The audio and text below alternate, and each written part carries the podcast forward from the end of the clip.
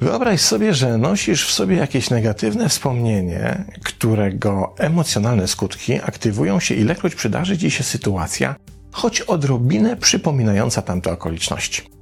Wystarczy, że ktoś wobec ciebie podobnie się zachowa, jak któryś z bohaterów twojego negatywnego wspomnienia lub w twoim otoczeniu pojawi się coś podobnego do tamtych okoliczności, co uaktywni ślad pamięciowy. W efekcie w krótkim czasie pojawia się obniżenie nastroju oraz cały szereg trudnych emocji, odbierających możliwość normalnej aktywności. I nie ma znaczenia, że zachowania czy okoliczności są jedynie odrobinę podobne i tak naprawdę nieadekwatne do tego, co jest przedmiotem Twojego negatywnego wspomnienia. Znaczenie ma to, że ten mały impuls podobieństwa odpalił w systemie nieproporcjonalnie silną emocjonalną i jednocześnie destrukcyjną reakcję.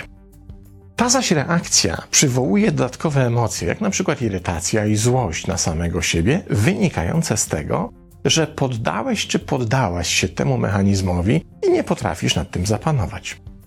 W ten sposób negatywny pakiet obsługi emocjonalnej, zakotwiczony w Twoim ośrodku pamięci długotrwałej, zostaje uzupełniony o kolejne negatywne ślady emocjonalne, ale tym razem pochodzące ze współczesnej reakcji systemu na powrót dawnego wspomnienia. Pokażmy ten mechanizm na przykładzie. Oto Anka, po niezbyt udanym poprzednim związku, wiąże się z Robertem, który jest przeciwieństwem jej poprzedniego partnera. Tamten był wzorcowym przykładem braku odpowiedzialności i beztroski, co zazwyczaj powodowało, że wobec rozwiązywania problemów Anka zawsze zostawała sama. Nawet wówczas, kiedy to nie ona była ich przyczyną. Robert jest odpowiedzialnym facetem i ich związek rokuje nadzieję na przyzwoicie przewidywalną przyszłość.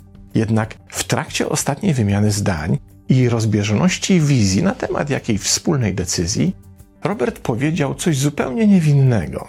Na przykład, muszę się jeszcze zastanowić nad tym, jak to rozwiązać, co nie oznaczało ucieczki od odpowiedzialności, ale jedynie chęć poświęcenia większej ilości czasu na znalezienie najlepszego rozwiązania. Jednak już samo to zdanie przywołało w Ance dramat wspomnień, bo właśnie za pomocą podobnej konstrukcji narracyjnej jej poprzedni chłopak unikał odpowiedzialności, jednocześnie zrzucając ją na Ankę. Teraz wystarczyło to jedno zdanie Roberta, aby Anka wybiegła z pokoju, trzaskając drzwiami, bo w jej głowie uruchomił się cały sekwencyjny cykl pamięciowy, przywołujący sytuację, w której efekcie poczuła się odrzucona, oszukana i wykorzystana. Anka siedzi teraz w sypialni i beczy z bezsilności jednocześnie poczucia winy, które pojawiły się wraz z uświadomieniem sobie, że obwinia Roberta za winy poprzedniego partnera, z którego zachowaniami Robert nie ma tak naprawdę wiele wspólnego. Teraz prześledźmy ten efekt na poziomie konsolidacji pamięci.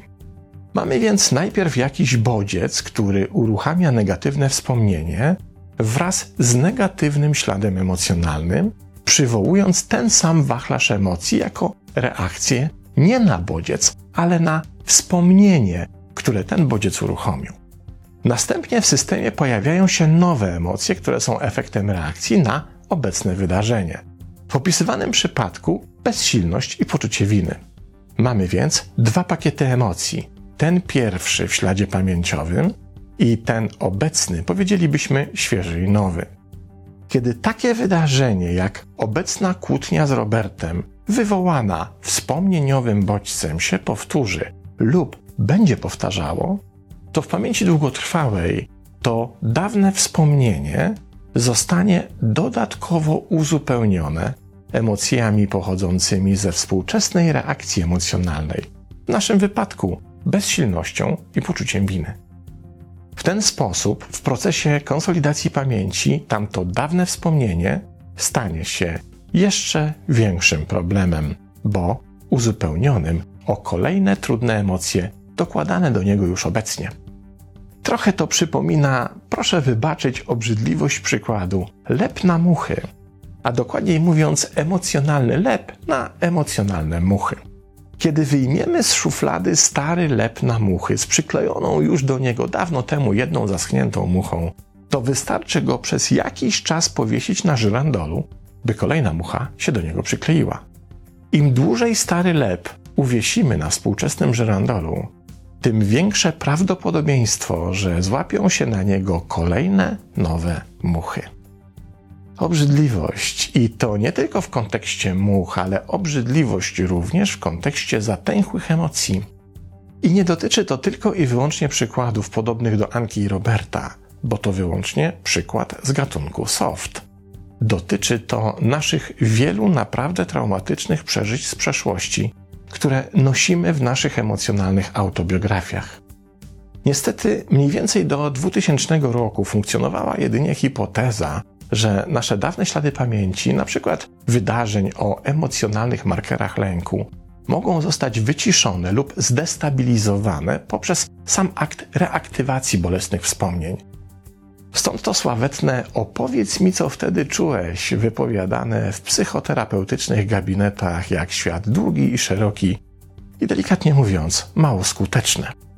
Później, już w roku 2003, po odkryciach dokonanych przez doktora Walkera z Uniwersytetu Kalifornijskiego i dotyczących procesów konsolidacji i rekonsolidacji pamięci, okazało się, że do rekonsolidacji pamięci nie wystarcza sama aktywacja wspomnień, ale niezbędne jest wykorzystanie do tego nowych doświadczeń emocjonalnych, które pojawiają się wraz z okolicznościami towarzyszącymi przypomnieniu sobie dawnych zdarzeń. A to oznacza, że te emocje, które pojawiają się w trakcie wspomnienia, zaczynają z czasem uzupełniać wspomnienie, stając się jego trwałą składową.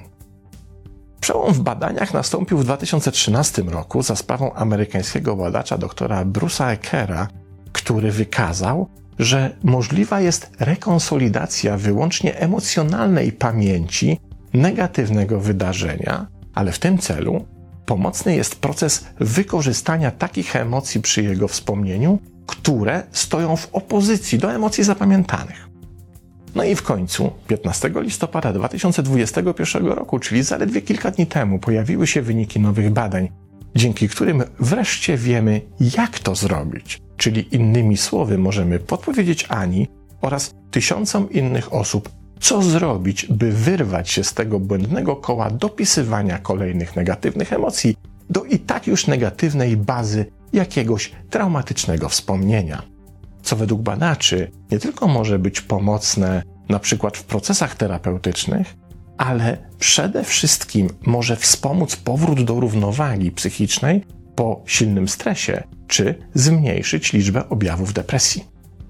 Badanie składało się z kilku osobnych testów prowadzonych na różnych grupach uczestników i zostało przeprowadzone przez naukowców wydziałów psychologii kilku uniwersytetów pod kierunkiem Megan Spear z Uniwersytetu Columbia. Uczestników badania podzielono na cztery grupy: pozytywną, negatywną, neutralną oraz rozpraszającą. Zadaniem wszystkich uczestników było przywołanie z pamięci 12 negatywnych wspomnień autobiograficznych, a następnie szczegółowe opisanie na kartce tych zdarzeń z dziesięciostopniowym skalowaniem oceny obecnych odczuć przywoływanych tamtym wspomnieniem. Czyli oceń, jak to wspomnienie sprawia, że czujesz się obecnie od oceny skrajnie negatywnej do skrajnie pozytywnej. Następnie przydzielono grupom konkretne zadania. W grupie pozytywnej należało pisemnie odpowiedzieć na trzy pytania. Pierwsze, czego pozytywnego się wówczas nauczyłeś? Drugie, jakie były pozytywne przyszłe efekty tamtego wydarzenia? Trzecie, jakie pozytywne znaczenie tamtemu wydarzeniu możesz dzisiaj nadać? Grupa negatywna miała za zadanie opisać, co sprawia, że tamto wydarzenie uruchamia obecnie negatywne emocje i jakie są negatywne konsekwencje tamtego wydarzenia. Grupę neutralną poproszono jedynie o opisanie, gdzie i kiedy dokładnie wspominane wydarzenia miały miejsce, a grupie rozpraszającej odebrano kartki z opisem autobiograficznych negatywnych zdarzeń i polecono jedynie śledzenie wychylania strzałki specjalnego urządzenia z notowaniem wychyleń w prawo i lewo. Następnie w kolejnych dwóch częściach badania kolejnego dnia oraz po tygodniu od pierwszego badania poproszono wszystkie grupy o ponowne opisanie swoich 12 negatywnych autobiograficznych wspomnień. W dalszej części badania na innych grupach powtórzono badawczy model, ale tym razem sprawdzono pamięć negatywnych zdarzeń rekonsolidowanych w eksperymencie po upływie dwóch miesięcy. Za każdym razem w grupach pozytywnych treść wspomnień ulegała zmianie. Były one po czasie opisywane jako dużo mniej negatywne niż za pierwszym razem, a uczestnicy badań wskazywali, że przestały to być wspomnienia wywierające silny negatywny wpływ na ich obecne samopoczucie przy ich reaktywacji. Kolejne eksperymenty na kolejnych grupach miały ustalić, od czego zależy najsilniejszy efekt pozytywnej rekonsolidacji wspomnień. Podarujmy sobie szczegółowe analizy tego, co się wówczas dzieje na poziomie procesów pamięci krótkotrwałej oraz długotrwałej i przejdźmy do sedna. Okazało się, że kluczowe znaczenie ma tutaj tak zwane okno aktualizacji, które pozostaje otwarte jedynie przez około 6 godzin. Co więcej, skuteczna pozytywna aktualizacja adaptacyjna ma miejsce wyłącznie po krótkim przypomnieniu negatywnego zdarzenia i nie występuje w sytuacji, w której przywołanie tego wspomnienia trwa zbyt długo, na przykład w procesie roztrząsania czy rozpamiętywania, o którym opowiadałem w odcinku 77. A zatem najlepszy efekt w poradzeniu sobie z negatywnymi wspomnieniami i dokonania zmiany ich emocjonalnego śladu w systemie otrzymamy, kiedy zastosujemy następujące reguły. Po pierwsze, negatywne wspomnienie powinno zostać przywołane na krótki czas, wyłącznie po to, by uświadomić sobie, jakie emocje towarzyszą temu wspomnieniu i co jest ich źródłem.